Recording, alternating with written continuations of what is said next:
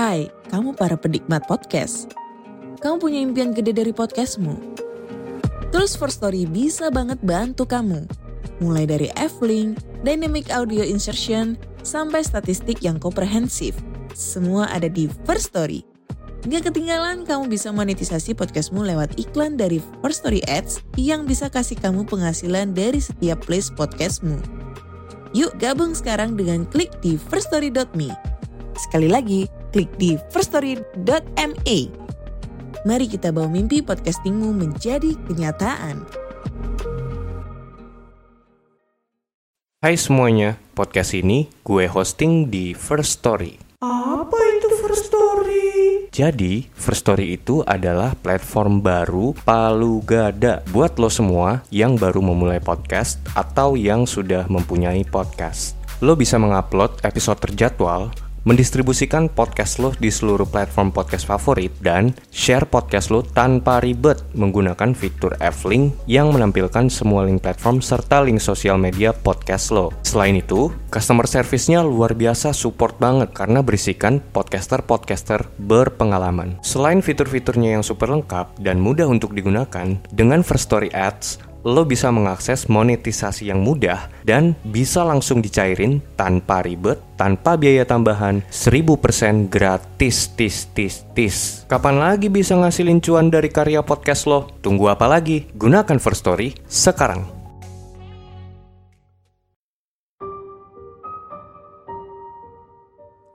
Epic of Gilgamesh adalah referensi dari ilmu astrologi tertua sepanjang sejarah dunia yang secara spesifik menguraikan mengenai ilmu perbintangan serta penjelasan rinci mengenai konstelasi. Jika melihat dari sifat dan aspeknya yang sangat identik dengan ilmu astrologi barat modern, bisa dikatakan bahwa Epic Gilgamesh merupakan pondasi dari ilmu astrologi yang kita kenal sekarang ini. Prosa Epic Gilgamesh secara luar biasa mendeskripsikan konstelasi dan rasi bintang secara akurat dan presisi.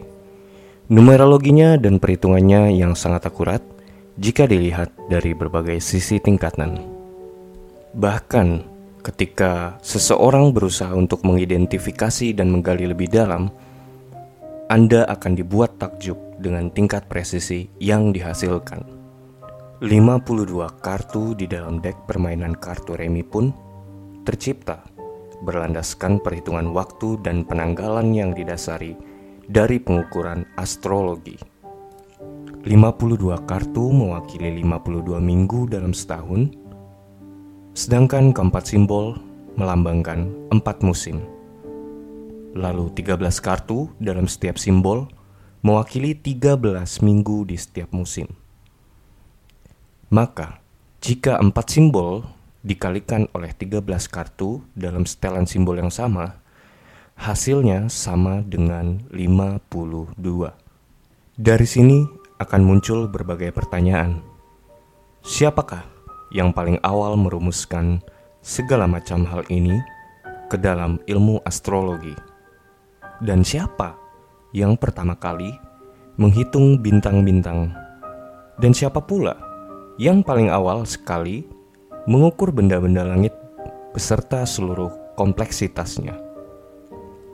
Siapa yang pertama kali mengaplikasikan sistem geometri ke dalam teknik arsitektur sehingga dapat membangun tiga buah piramid yang ujung poin puncaknya sejajar dengan konstelasi Orion pada 13.000 tahun yang lalu.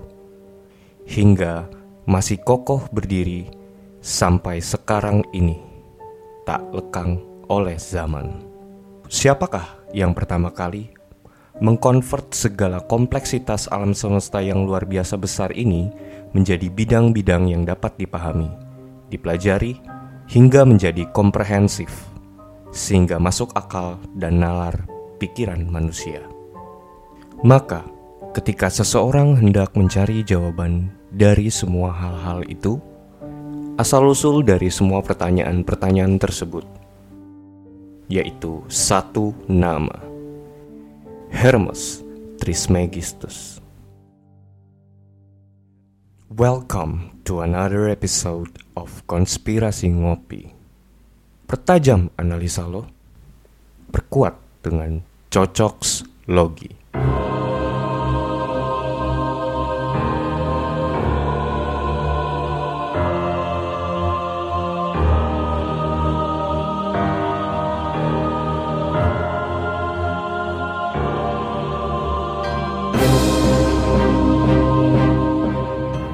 Halo guys, ketemu lagi dengan gue Vincent di Konspirasi Ngopi. Seruput lo kopinya. Halo guys, gimana kabarnya? Nah kali ini gue sendiri, gue nggak sama Randy. Kali ini gue mau ngebahas tentang Hermes Trismegistus, yaitu salah satu sosok figur yang bisa dibilang mungkin dia itu adalah figur mitologikal ya atau bisa dibilang semacam legenda lah kayak gitu. Nah, sosok figur ini tuh menarik gitu ya. Belakangan entah kenapa, gua secara tidak sengaja itu sering kali menemukan artikel atau apa pun itulah tulisan-tulisan yang mengarah kepada Hermes Trismegistus ini gitu. Nah, mungkin somehow entah gimana ya. Jadi itu tuh kayak uh, terekam aja di alam bawah sadar gitu kayak hmm kayaknya menarik ya gue bawa Hermes Trismegistus ini untuk gue bahas bareng kalian teman-teman ngopi semua. Sebenarnya siapa sih sosok figur dari Hermes Trismegistus ini?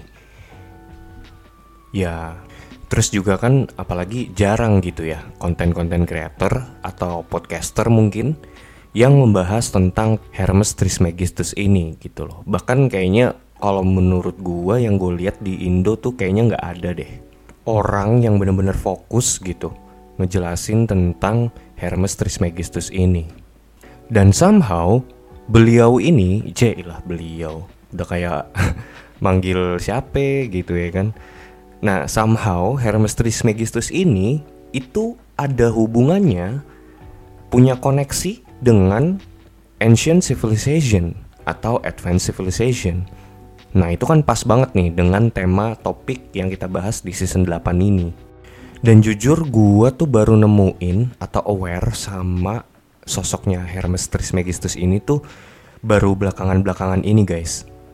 Jadi kayak pas karena kan gini, gue kan sebelum mau nge-record episode gitu, sebelum kita tag podcast gue sama Randy, itu gue biasanya ngelakuin riset dulu.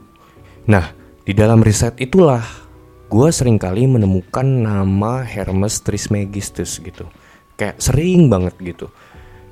Secara spesifik tuh kayak waktu gue pas lagi mau ngebahas tentang Anunnaki misalnya.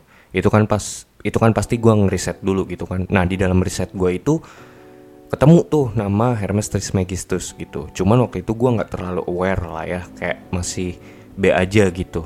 Karena menurut gue kayaknya ini nggak ada hubungannya gitu Terus makin kemari, makin kemari konten yang Illuminati misalnya, yang konten yang dari evolusi dari Freemasonry menuju Illuminati itu kan kalau kalian teman-teman nonton uh, konten kita di YouTube yang Maha Rencana Illuminati itu, itu kan ada dua part ya.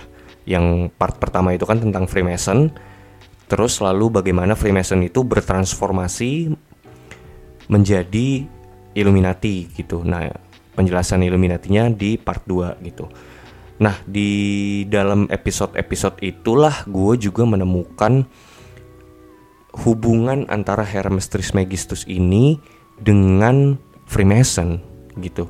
Jadi gini, anggota-anggota di dalam Freemason itu itu kan ada 32 tingkatan ya di dalam strukturnya Freemasonry gitu. Jadi ada strata dan tingkatan-tingkatannya gitu.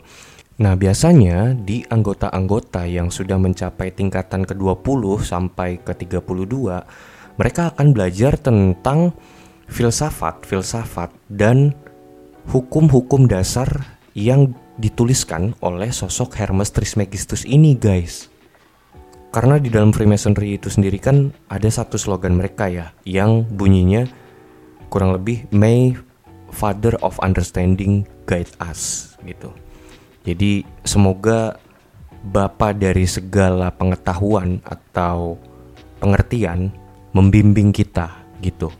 Nah, sosok ini, sosok Bapa understanding ini, Father of understanding ini merujuk kepada Hermes Trismegistus. Bahkan ada di satu episode konspirasi ngopi konten kita yang ada di YouTube itu ada salah satu buku yang istilahnya tuh itu tuh jadi buku pegangan dan buku pelajaran lah ya mungkin buat anggota-anggota Freemason itu gambar depan atau cover dari buku ini adalah sosoknya Hermes Trismegistus. Kalian bisa cek ya nonton di YouTube kita Konspirasi Ngopi, Sejarah Illuminati dan Evolusinya part 1 dan part 2. Terus juga berlanjut ketika waktu kita Konspirasi Ngopi masuk ke season 8 yang di mana kita lebih fokus untuk menjelaskan dan mengangkat tema tentang ancient civilization. Khususnya pas tema Atlantis ya guys. Jadi pas ketika gue lagi ngeriset tentang Atlantis, itu juga terlintas tuh nama Hermes Trismegistus itu gitu. Nah, gue pikir-pikir gini, ini orang ini tuh kayak bukan kaleng-kaleng gitu. He must be something gitu karena entah kenapa dia terhubung gitu dengan uh, peradaban yang maju di zaman yang lampau. Terus juga dia adalah sosok yang di-admire, sosok yang menjadi panutan lah istilahnya di dalam Freemasonry dan Illuminati. Terus juga entah bagaimana dia juga punya koneksi dengan Atlantis. Nah, sama satu lagi, pas gue juga lagi ngeriset tentang piramid, itu juga menyinggung nama Hermes Trismegistus ini. Nah loh, ini kan berarti sosok ini tuh memiliki hubungan gitu dengan Freemasonry dan Illuminati, lalu kemudian dengan peradaban Yunani dan Mesir, hingga ke Atlantis dan piramid. Wow, ini kayaknya sosok besar gitu. Makanya di sini gua mau mengajak kalian untuk mengulas dan menganalisa dan mencari tahu lebih banyak tentang Hermes Trismegistus ini. Nah, tapi sebelum kita masuk, Gua mau reminder khususnya buat teman-teman yang ada di platform Spotify atau yang ada di Noise juga untuk dengerin episode kita Atlantis Part 2 tentang Atlantis yang berada di Gurun Sahara. Karena di situ kita bakal ngulitin banget dan membuktikan ke kalian bahwa sebenarnya Atlantis itu berada di Afrika bagian utara. Karena di situ gue akan menjabarkan bukti-bukti yang kuat dari sisi geologis dan geografis, lokasi yang dulunya dikatakan sebagai Atlantis. Menurut sudut pandang dan deskripsinya si Plato. Terus juga gue mau ngingetin teman-teman buat kedengerin episode kita yang Brotherhood of Snake Part 2 karena di situ juga kita ada ngejelasin sedikit tentang Staff of Hermes atau tongkatnya si Hermes Trismegistus ini. Nah, ini kan ada hubungannya nih.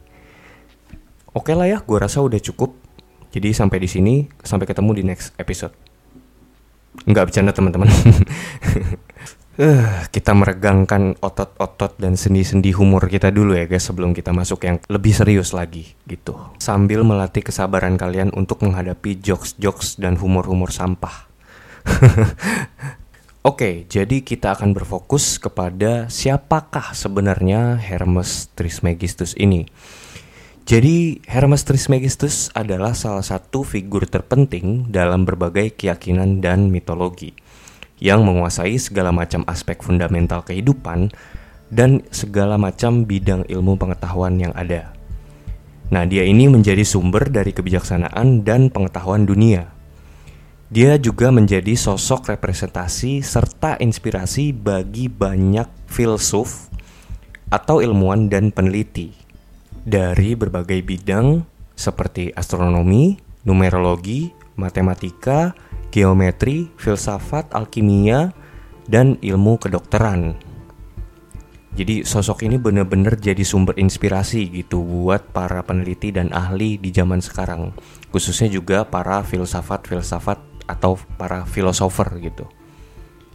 Nah, Sosok ini diyakini sebagai sumber dari segala pengetahuan dan kebijaksanaan yang ada di muka bumi, atau bahkan universe, alam semesta. Nah, jadi kita coba kenalan sama dia dulu lewat namanya dulu nih. Namanya itu Hermes Trismegistus, yang secara literal Trismegistus berarti Thrice Great Hermes, atau secara harfiah dapat diartikan sebagai Hermes yang dipermuliakan sebanyak tiga kali. Ia adalah representasi sosok dari kebijaksanaan dan ilmu pengetahuan dunia dan dikenal di berbagai kultur dan bangsa. Terus juga dia dikenal dengan banyak nama, di antaranya Tauti, Surit, Saurit, dan Onuris. Nah, buat teman-teman yang tahu nama lain dari Hermes Trismegistus ini, silakan tulis di kolom komentar yang di bawah. Hermes Trismegistus dalam kultur masyarakat Yunani ia dikenal sebagai dewa Hermes. Gimana sih cara pengucapan yang bener? Ada yang pronunciationnya tuh kayak Hermes, ada yang Hermes, ada yang Hermes. Biasanya tuh kalau US, Amrik gitu Hermes gitu. Nah, kalau di Timur Tengah tuh Hermes gitu. Ya tergantung kulturnya mungkin ya. Nah, mungkin kalau kayak Hermes, nah itu mungkin orang Batak mungkin guys. Cemana lah le Hermes nih, ya kan? gue nyebutinnya gaya Batak aja lah ya guys, Dewa Hermes gitu. Biar nggak susah, belibet coy. Hermes, Hermes, Hermes. Alah Hermes aja udah ya kan. Nah Dewa Hermes ini dalam masyarakat Yunani dikenal sebagai Dewa Pelindung. Para pedagang, pencuri, waduh, dan pelancong. Juga ia sering digambarkan sebagai seorang pria muda dengan sayap di kedua kakinya, membawa tongkat dan tas di tangannya. Selain itu, ia juga dikenal sebagai dewa komunikasi dan perantara, sehingga sering dihubungkan dengan bidang perdagangan, keuangan, dan ilmu pengetahuan. Oh, jadi figurnya tuh dia bawa tongkat sama tas. Nah, itu ciri khasnya, guys. Ya itulah dia tasnya itu kan tas tas branded gitu kan, Hermes gitu kan oh pantes namanya dipakai buat nama brand itu gitu loh karena ya memang ciri khasnya dia bawa tas hmm ya ya ya ya mungkin maksudnya ini buat masukin kue-kue pas lagi ada kondangan mendadak gitu kan ya guys kayak kebiasaan mak-mak gitu anjir rempong banget Hermes Nah mungkin tongkatnya tuh gunanya buat mentungin orang-orang yang nyerobot antrian pas lagi ngambil makanan guys Oke oke oke.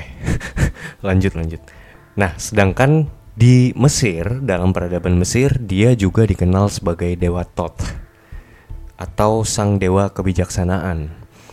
Makanya kenapa pikiran dalam bahasa Inggris kata pikiran itu adalah Thoth. Nah, itu makanya diambil dari dewa kebijaksanaan Mesir ini, dewa Thoth gitu dewa yang merepresentasikan pikiran dan kebijaksanaan begitu. Nah, jadi sosok ini tuh dikenal dalam dua peradaban atau dua mitologi, dua kultur lah ya gitu. Jadi di Mesir itu dikenal sebagai dewa Thoth, kalau di Yunani, di peradaban Yunani mereka nyebutnya dewa Hermes gitu. Tapi dua-duanya ini sebenarnya sosok figur yang sama, makanya dia disebut sebagai dewa sinkretis, dewa yang dikenal di dua suku bangsa gitu. Nah, seperti yang udah gue pernah bahas di episode Atlantis bahwa orang-orang Yunani tuh kayak mengadmire gitu bangsa Mesir, peradaban Mesir gitu. Mereka tuh sangat apa ya, sangat terinspirasi gitu sama uh, cara hidup orang-orang Mesir dan kagum dengan prinsip dan falsafah atau ajaran-ajaran yang ada di Mesir. Makanya kenapa gue menjelaskan juga bahwa memang pernah terjadi suatu akulturasi dua bangsa ini Yunani dan Mesir karena memang waktu itu Mesir pada masa Cleopatra yang terakhir itu orang Yunani jadi Cleopatra yang terakhir itu adalah orang Yunani yang memerintah di tanah Mesir ketika itu makanya terjadilah akulturasi gitu Nah, akulturasi dua bangsa ini dimulai dari awal waktu ekspansinya Raja Alexandria, King Alexandria ke Mesir. Makanya kan sampai ada bahkan sekarang tuh ada Universitas Alexandria di Mesir kan. Nah, jadi memang Alexandria tuh melakukan ekspansi hingga ke Mesir gitu. Makanya mungkin pengaruh dan tata cara hidup orang Mesir itu juga diadmire sama orang-orang Yunani dan begitu juga sebaliknya gitu. Iskandariah mungkin ya kalau di bahasa Indonesia kan gitu ya. Nah, hasil dari akulturasi kedua bangsa ini melahirkan faham hermetisisme. Nah, apa itu? Hermetisisme adalah sebuah keyakinan yang pada pokoknya didasari oleh tulisan-tulisan Hermes Trismegistus yang kemudian dalam penerapannya melahirkan gnostisisme dan menjadi dasar filsafat bagi berbagai keyakinan seperti teosofi, telema, bahkan gnostisisme ini atau gnostik ini mempengaruhi paham-paham yang melahirkan paham baru seperti Luciferian, Satanisme bahkan dan juga seperti yang tadi gue jelaskan di awal, ini juga dikenal dalam ajaran-ajaran Freemasonry gitu. Nah, di sini kita bisa menarik benang merah bahwa memang sebenarnya paham-paham ini itu kan berlandaskan dengan paham gnostik yang dipengaruhi oleh ajaran dari Hermes Trismegistus atau Hermetisisme. Begitu. Jadi nggak heran kenapa kalau misalnya kita melihat ajaran-ajaran dari Freemason itu cenderung berbau peradaban-peradaban Yunani dan Mesir gitu. Mereka sangat mengadmire Mesir pokoknya. Dan bahkan juga kan uh, di dalam evolusinya mereka bertransformasi menjadi Illuminati, mereka sangat mengagung-agungkan struktur bangunan piramid seperti itu. Karena di mana seperti ajaran di dalam Freemason dan Illuminati itu mereka sangat mengedepankan logika berpikir atau ilmu pengetahuan, knowledge gitu. Nah, itu juga sama seperti yang ada di kayak dalam ajaran Luciferian atau Satanisme bahkan itu juga mereka sangat mengedepankan atau melandaskan faham-faham mereka ke dalam logika dan knowledge atau ilmu pengetahuan. Hermes Trismegistus dalam bahasa Latin Mercurius Ter Maximus juga dikenal dalam bangsa Romawi atau dalam kebudayaan Romawi Latin ya. Dia juga dikenal sebagai dewa Mercurius atau dewa Merkuri. Nah, lanjut. Dalam kepercayaan peradaban Mesopotamia. Nah, ini nih ada hubungannya nih sama seperti yang tadi udah gue jelasin di awal di mana ketika gue ngeriset tentang Anunnaki dan gue bawain episodenya itu gue menemukan sosok Hermes Trismegistus dan ternyata memang dia punya andil atau memang dia juga dikenal di dalam peradaban Mesopotamia atau Sumeria sendiri. Dia ini dikenal sebagai dewa Ningish Zida namanya. Dia ini adalah dewa kesuburan dan pertanian, penguasa dunia bawah atau alam kematian atau maut dan sering kali digambarkan sebagai sosok penjaga pintu akhirat pintu gerbang akhirat gitu ya. Juga dikatakan dia sebagai juru kunci akses menuju dewa langit Anu gitu, the All Father gitu kan. Anu itu kan dewa All Father sama seperti yang udah pernah kita jelasin di episode Anunnaki. Nah, sosok Hermes Trismegistus ini di dalam kepercayaan Mesopotamia dan Sumeria ini namanya memang berbeda ya, Ningishida. Cuman untuk dari sisi karakter dia ini bener-bener kayak sosok penasehat gitu, sosok yang bijaksana, sosok yang paling banyak punya ilmu pengetahuan gitu. Jadi bisa dibilang dia juga sebagai dewa kebijaksanaan juga di mitologi Sumeria dan Mesopotamia gitu. Jadi istilahnya kan kayak Anu itu kan raja gitu kan, raja dari segala dewa gitu, the All Father Nah, pasti kan raja itu kan punya penasehat gitu. Nah, ini si Nizida atau si Hermes Trismegistus itu di situ hadir sebagai sosok penasehat gitu. Jadi paling tidak sampai di sini tiga peradaban dan mitologi ini Yunani, Mesir dan Mesopotamia itu mengenal Hermes Trismegistus sebagai sosok yang bijaksana. Jadi paling tidak kriteria itu ada di dalam sosok yang spesifik ini. Nah, sama seperti di awal, di mana gue menjelaskan tentang Epic of Gilgamesh, di situ kan bener-bener menuliskan atau menjabarkan ilmu astronomi ke dalam literasi atau prosa yang bener-bener sangat presisi. jika dibandingkan dengan ilmu perbintangan di zaman modern ini atau ilmu astrologi di zaman modern ini gitu. Bahkan bisa dibilang dia merupakan pondasi atau referensi sejarah tertua yang menuangkan ilmu-ilmu perbintangan atau konstelasi di dalamnya gitu. Nah, satu-satunya yang ada di peradaban Mesopotamia ini. Nah, ya mungkin Hermes Trismegistus yang dikenal di dalam peradaban Mesopotamia itu di dalam mitologi dan legenda Sumeria itu juga ikut andil di dalam penulisan karya atau epos Epic of Gilgamesh ini gitu. Karena memang Hermes Trismegistus ini sangat dekat dengan ilmu perbintangan dan astrologi. Bahkan dia juga sering kali muncul dalam referensi-referensi orang-orang yang belajar ilmu tarot gitu. Nah, jika dilihat dalam tradisi esoterik, Hermes Trismegistus ini dipandang sebagai seorang filsuf yang memiliki pengetahuan yang mendalam tentang alam semesta dan koneksi antara alam semesta serta keberadaannya manusia.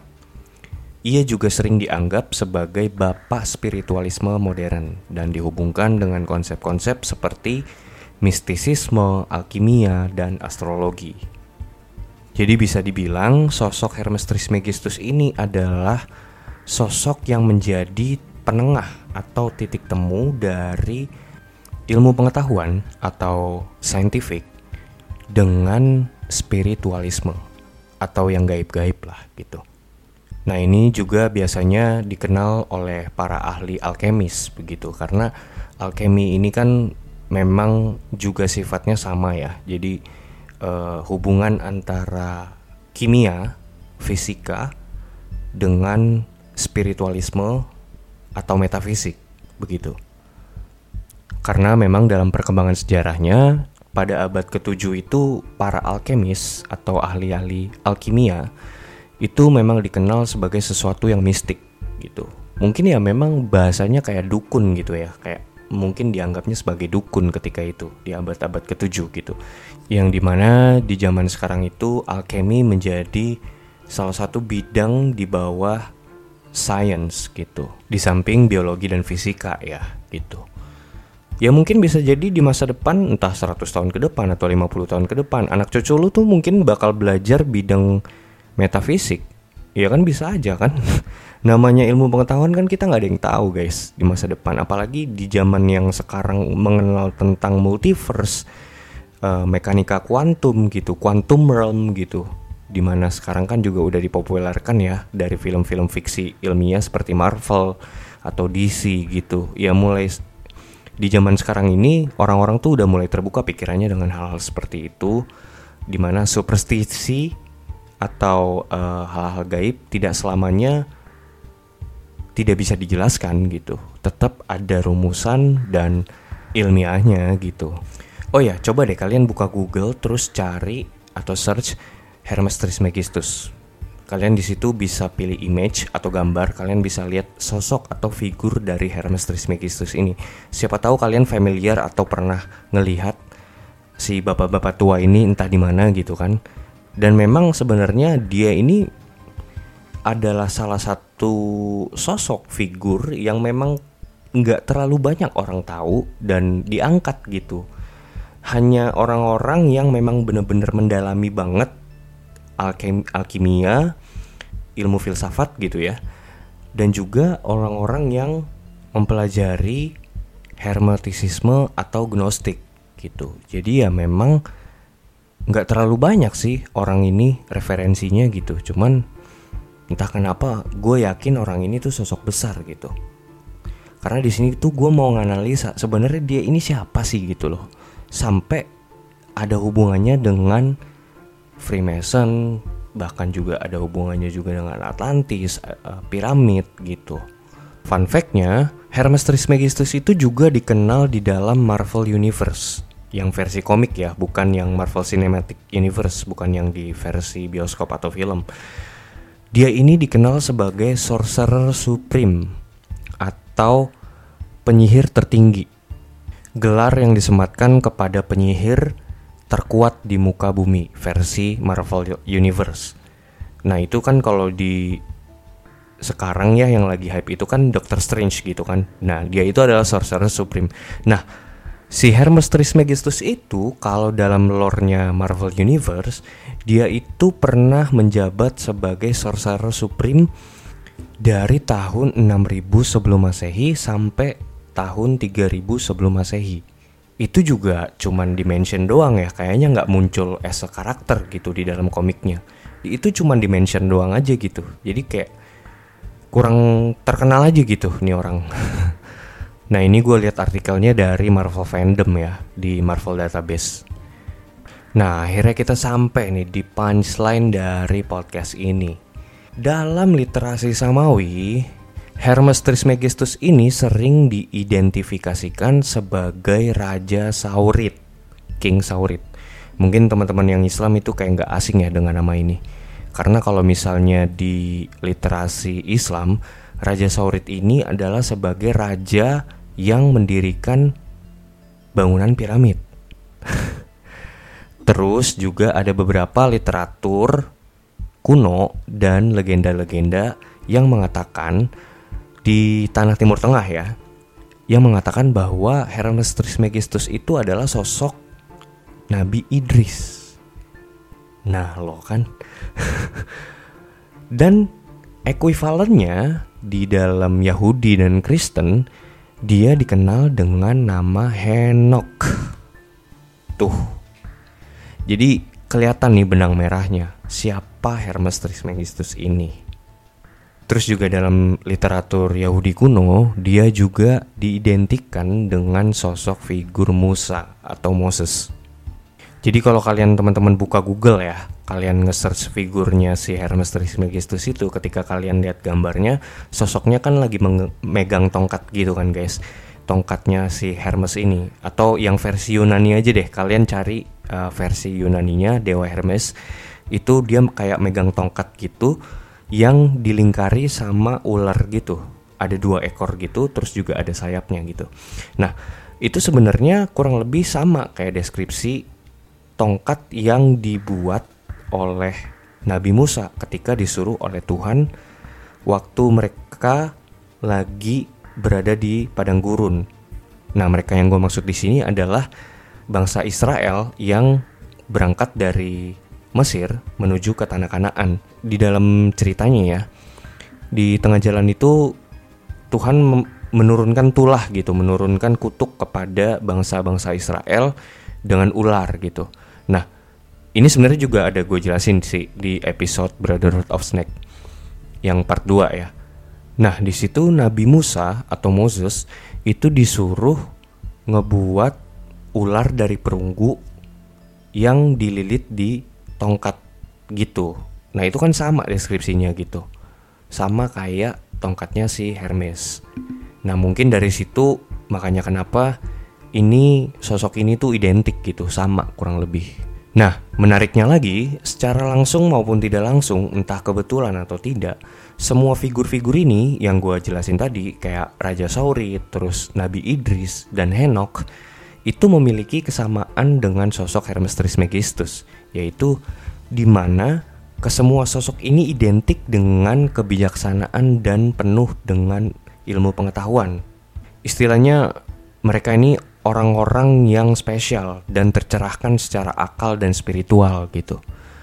Nah, lalu juga dapat ditemukan bahwa dalam berbagai legenda dan literasi kuno, khususnya di tanah Timur Tengah ya, figur-figur ini dikenal juga sebagai arsitek atau bahkan pendiri bangunan piramida agung di Giza.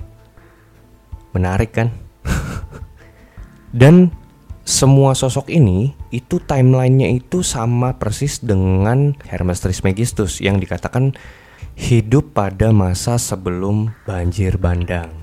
Nah, kalian bisa cari sendirilah referensinya dan uh, literatur-literaturnya.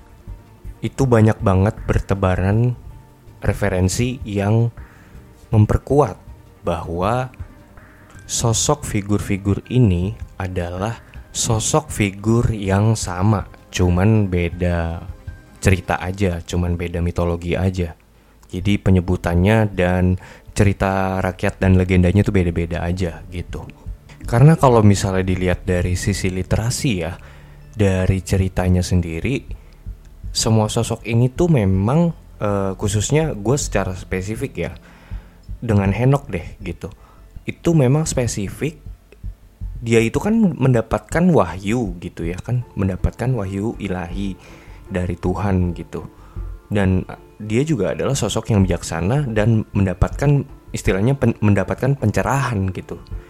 Nah ini juga hal yang terjadi juga dengan si Hermes Trismegistus itu di mana dalam tradisi Hellenistik atau masyarakat Yunani, memang Hermes Trismegistus itu atau dewa Hermes itu dikenal sebagai messenger of God gitu. Ya sama kayak dewa Hermes. Dewa Hermes itu kan dia tuh kayak kurir uh, penyampai pesan gitu. Uh, penyambung lidah lah ya antara dewa dengan manusia gitu. Khususnya dia itu kan uh, penasehat utama dewa Zeus gitu kan kalau dalam mitologi Yunani. Nah, kalau di versinya Henoch Henoh itu kan juga jadi penyambung lidah Tuhan kepada manusia dan para malaikat yang jatuh ketika itu pada masa Henok gitu. Nah itu juga terjadi di Hermes Trismegistus gitu. Jadi memang uh, ini ada hubungannya gitu. Pengalaman spiritual atau pengalaman supranatural yang dialami oleh Hermes Trismegistus itu dia tuliskan ke dalam suatu literasi yang sangat unik dan sangat luar biasa, dikagumi oleh seluruh peneliti-peneliti di dunia, bahkan para filosofis dan para ilmuwan sekalipun. Itu dikenal dengan nama Emerald Tablet. Nah, kita masuk nih ke dalam pembahasan apa sih Emerald Tablet itu. Nah, jadi salah satu ilmuwan abad ke-17 yang paling berpengaruh berkebangsaan Inggris Sir Isaac Newton. Seluruh dunia kan tahu nih bahwa Isaac Newton itu adalah fondasi dari fisika modern. Namun satu hal yang tidak diketahui banyak orang bahwa Isaac Newton itu juga seorang mistikus yang memiliki minat khusus pada alkemi atau alkimia. Beliau ini juga tertarik dengan studi filsafat hermetik Mesir kuno dan Yunani yang dikenal dalam literasi Kybalion yang dikatakan sebagai panduan untuk menguraikan rahasia alam semesta dan pikiran sang Tuhan. Isaac Newton sendiri memiliki obsesi terhadap sosok Hermes Trismegistus ini ternyata. Dan dia juga menjadi semakin terobsesi semenjak ia mulai mendalami tentang Emerald Tablet ini yang olehnya dan beberapa ahli meyakini sebagai tulisan dari sang Hermes Trismegistus sendiri. Wow, jadi ternyata Hermes Trismegistus ini menuliskan faham dan ajarannya ke dalam Emerald Tablet ini.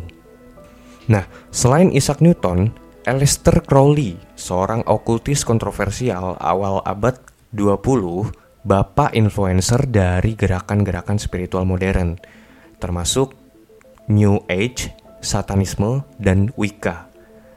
Dia ini juga terinspirasi oleh konsep-konsep hermetik dan mencoba untuk memadukan filsafat ini dengan praktek-praktek okultisme yang bersumber dari Emerald Tablet itu sendiri. Tulisannya Hermes Trismegistus. Smaragdina Tabula atau Emerald Tablet telah menjadi perhatian para ahli dan peneliti selama kurang lebih ratusan tahun terutama di kalangan alkemis, Arab, dan Eropa. Hingga para ahli banyak menemukan teks translasi ini dalam berbagai bahasa, yakni Latin, Vulgata, Yunani, dan aksara Arab.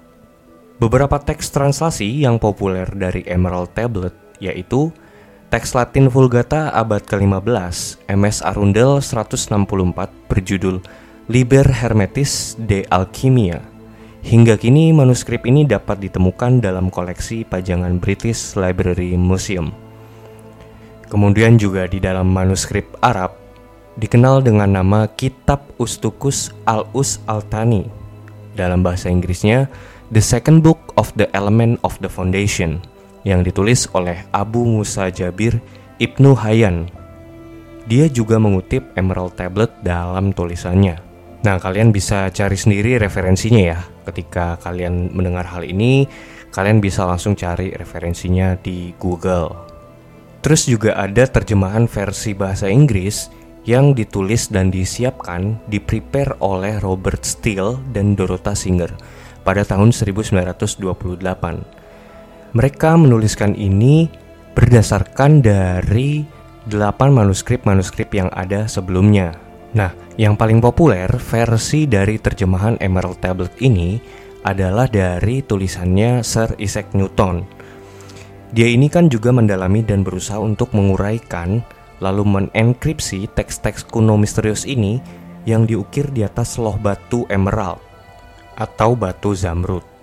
Terjemahan Emerald Tablet oleh Isaac Newton ini itu mulai dipelajari dan didalami oleh para ahli dan ditemukan di antara makalah alkimianya yang saat ini disimpan di perpustakaan King's College Universitas Cambridge.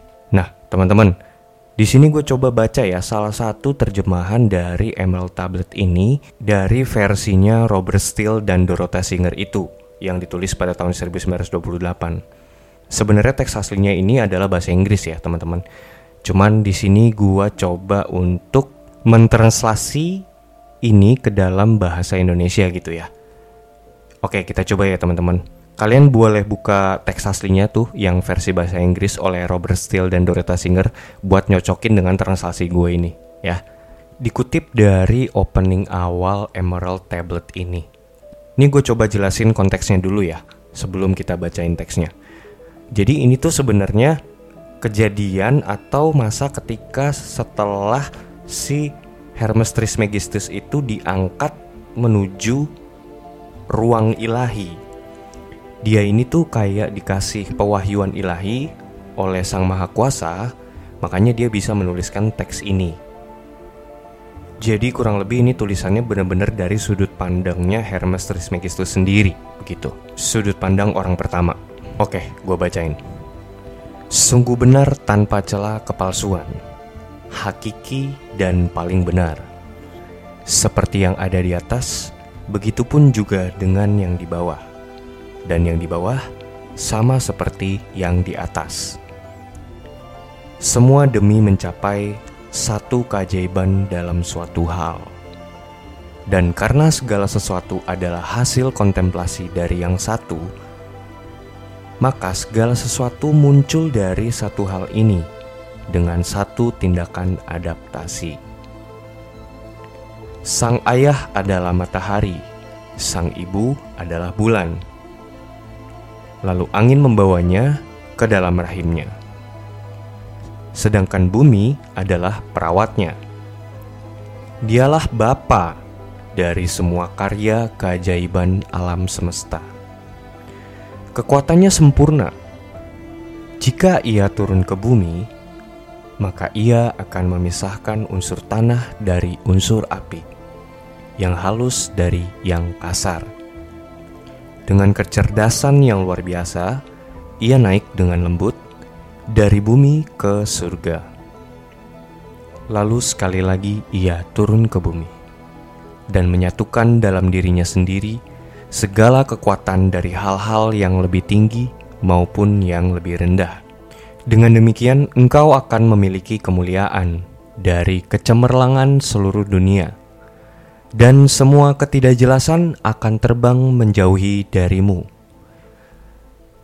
Dia inilah benteng yang teguh, yang terkuat dari semua yang terkuat, sebab ia menaklukkan setiap hal yang halus dan maha menembus setiap zat padat.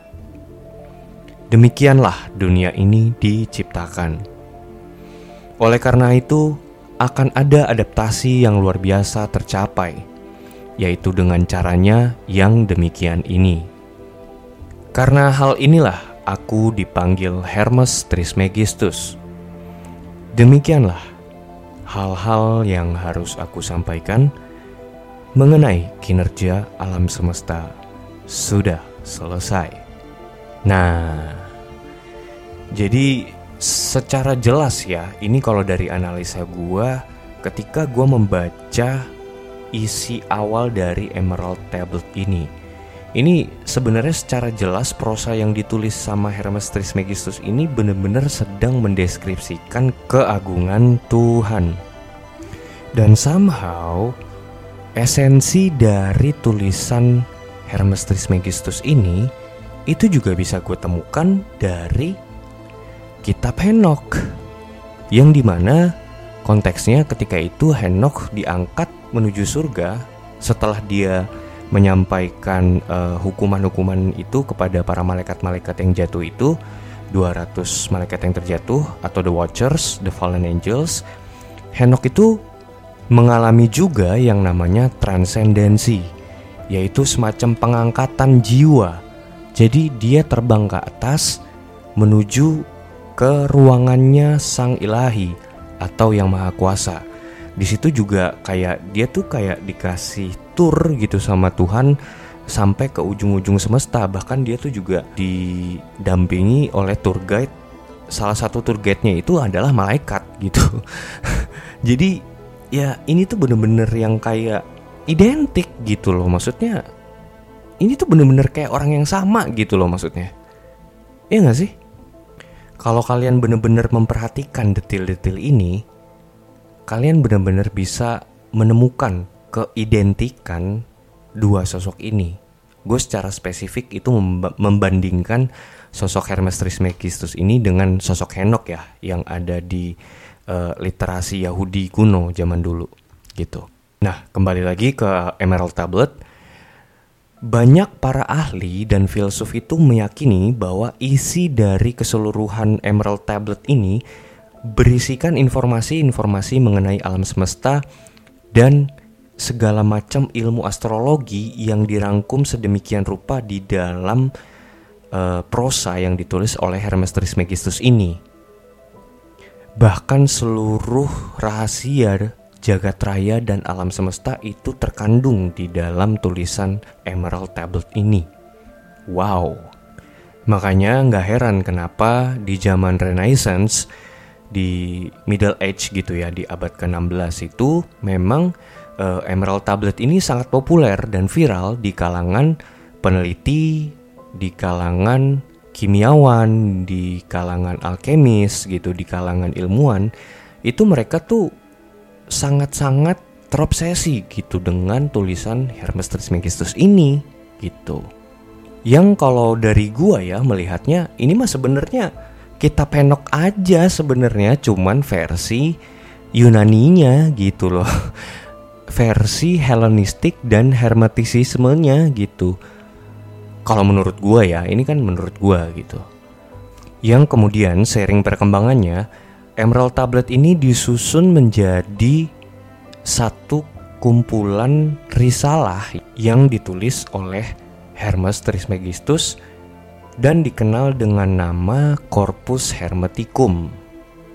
Yang sebenarnya Corpus Hermeticum ini adalah versi bukunya dari Emerald Tablet itu sendirilah gitu kurang lebih kan kayaknya kalau dari batu zamrud itu kan agak susah ya dibaca dan itu kan tulisannya tulisan katanya itu tulisan Atlantean gitu Kemudian dalam beberapa literatur, Hermes Trismegistus itu juga diidentikan sebagai raja yang bijaksana yang memerintah bangsa Atlantea atau bangsa Atlantis. Wow. Jadi ada beberapa referensi yang mengatakan bahwa sebenarnya Hermes Trismegistus itu adalah raja dari Atlantis. Nah, itu tuh bener-bener mind blowing banget coy. Itulah kenapa sosok Hermes Trismegistus ini sangat terkenal di budaya Yunani gitu dan juga di budaya Mesir sebagai dewa Thoth. Yang kalau dalam kisah Atlantis, kalau di episode kita yang sebelumnya itu kan menjelaskan bahwa dalam literasi Mesir dan Yunani itu sama-sama mengenal peradaban Atlantis yang which is sebenarnya kan Plato mendapatkan cerita itu yang sumber awalnya itu berasal dari pendeta Mesir. Kan gitu kan? Di dalam VIP episode kita ya, kalian bisa dengar sendiri di part 2 Atlantis. Nah, itu kan juga bisa menjelaskan bahwa Raja Atlantis itu juga menciptakan atau membangun piramid di peradaban Mesir. gitu loh. Nah ini dotnya tuh saling terhubung gitu loh. Nah teman-teman, mungkin gue harus buat satu episode nih khusus untuk menjelaskan dan menjabarkan uh, peradaban Atlantis, lalu Mesir dan Yunani, bahkan dibawa sampai ke tanah Amerika. Karena ini terhubung coy sebenarnya. Ini tuh ada benang merahnya dan terkoneksi loh sebenarnya. Semua itu berawal dari ceritanya si Raja Atlantean ini, Raja Atlantis ini yang kalau misalnya di dalam beberapa referensi itu seperti yang tadi udah gua katakan, Raja Atlantis itu ya ini Hermes Trismegistus ini gitu loh. Oke, kembali lagi ke Corpus Hermeticum. Nah, Corpus Hermeticum ini adalah suatu kumpulan 17 risalah atau chapter dalam tulisan Yunani yang diambil secara literal dari isi konten Emerald Tablet ini. Yang kepengarangannya secara tradisional diyakini ditulis langsung oleh Hermes Trismegistus. Nah, dari kitab inilah, ya sebut aja kitab lah ya, kita bisa mengetahui lebih detail dan mengalami sudut pandang orang pertama langsung dari Hermes Trismegistus ketika dia mengalami penglihatan atau wahyu ilahi yang ia terima dari Sang Maha Kuasa. Oke, kesimpulan dari gua, pinpoint yang coba mau gua angkat lagi di sini adalah gue bisa bilang dari riset yang gue lakukan lah ya, paling tidak. Entah kenapa Hermes Trismegistus ini sebenarnya adalah sosok Henok yang dikenal dalam ajaran Samawi gitu. Dalam ajaran Yahudi gitu. Cuman ini ya versi Yunaninya aja gitu loh. Dan gue bener-bener bisa yakin dan bilang begitu setelah gue baca Corpus Hermeticum. Gue punya PDF-nya guys, gue punya PDF-nya dan kalian juga bisa download PDF-nya sendiri gitu. Kalian bisa baca dan menemukan di situ bahwa sosoknya si Hermes Trismegistus itu sangat identik dengan Henok ini gitu loh. Ya walaupun gue bacanya belum sampai habis ya, tapi dalam Corpus Hermeticum ini somehow isinya mirip banget sama apa yang dialami Henok ketika beliau diizinkan untuk melihat isi sorga dan jalan-jalan tur keliling segala penjuru alam semesta sambil ditemenin malaikat sebagai tour guide-nya. Asli mirip banget sumpah, mirip banget kejadian-kejadiannya tuh. Dan mungkin nanti di lain waktu lah ya, gue bakal bikin satu episode yang bakal ngejabarin poin-poin apa aja yang mirip banget kejadiannya dengan apa yang dialami sama si Enoch ini gitu loh. Ya mungkin nanti di episode-episode selanjutnya lah ya. Nanti gue bakal bikin satu part episode di mana di situ gue akan menjabarkan dan uh, menguliti isi dari konten Emerald Tablet atau Corpus Hermeticum ini. Kan pasti bakal seru banget nih. Buat temen-temen yang pengen silahkan komen di bawah ya. Oke last dari gua ini ada satu fakta tambahan dan yang paling menarik dari si Hermes Trismegistus ini yaitu tongkatnya guys. Jadi kan kalau di peradaban Yunani mereka kenalnya Hermes Trismegistus ini adalah sosok dewa Hermes gitu kan. Nah, salah satu yang paling menarik itu adalah si tongkatnya itu yaitu yang dikenal di dalam peradaban Eropa, Yunani, dan Romawi itu sebagai staff of Caduceus yang sering kali ini tuh sering banget ketuker sama staff of Asclepius. Nah, ini gue coba jelasin ya. Staff of Caduceus itu adalah tongkatnya si Hermes atau dewa Merkurius dalam Romawi. Nah, Caduceus itu adalah nama si tongkatnya. Gitu. Sedangkan staff of Asclepius itu adalah tongkatnya Asclepius, anaknya dari Hermes Trismegistus. Jadi beda nih, Caduceus, yang satu Caduceus, yang satu Asclepius. Nah, kalau kalian teman-teman cari di Google dan kalian lihat gambarnya, secara bentuk keduanya itu memiliki perbedaan. Staff of Caduceus itu tongkatnya itu kayak dikelilingi oleh dua ekor ular melingkar ke arah atas. Di sepertiga dari panjang tongkat sebelah atasnya itu memiliki dua pasang sayap, dengan ujung atas tongkatnya membulat gitu. Sedangkan Staff of Asclepius tongkatnya dililit oleh satu ekor aja menghadap ke atas yang kepala ularnya nengok ke kiri gitu. Itu kan beda gitu. Cuman emang sering ketuker nih gitu. Nah, FYI, Staff of Caduceus ini digunakan dalam lambang para medis profesional dan biasanya digunakan lebih khusus untuk korps para medis militer. Sifat dari simbol ini lebih spesifik untuk merepresentasikan profesi paramedik. Jadi profesinya. Sedangkan Staff of Asclepius mewakili simbol pengobatan dan perawatan kesehatan secara umum dan universal. Simbol ini, simbol Staff of Asclepius ini juga digunakan oleh WHO dalam lambangnya mereka. Jadi di sini kita bisa melihat bahwa sebegitu luar biasanya sosok Hermes Trismegistus ini sampai tongkatnya aja itu dipakai jadi lambang para medis dan juga sebagai korps militer gitu.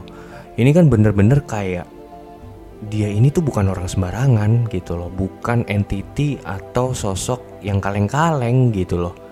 Bahkan seperti yang tadi kita udah denger, di semua bangsa hampir di seluruh mitologi dan kultur itu mempercayai sosok yang seperti ini gitu loh. Yang kriterianya kurang lebih sama dengan Hermes Trismegistus ini. Bahkan bahkan ya seperti yang tadi gue udah bilang dia ini digadang-gadang sebagai raja dari Atlantis. Wow, wow, wow, wow. Pokoknya luar biasa banget ini sosok Hermes Trismegistus ini. Dan akhirnya di sini gue puas banget udah nyampein semua hal ini buat kalian jadi satu episode yang utuh tentang si Hermes Trismegistus ini. Karena somehow gue juga tertarik gitu sama pribadinya itu. Sosok ini tuh kayak spesial banget gitu loh. Apalagi jika dilihat dari keidentikannya dengan sosok Henok gitu. Akhir kata gue mau ngucapin terima kasih buat teman-teman yang udah ngedengerin sampai habis. Kita ketemu di episode-episode selanjutnya.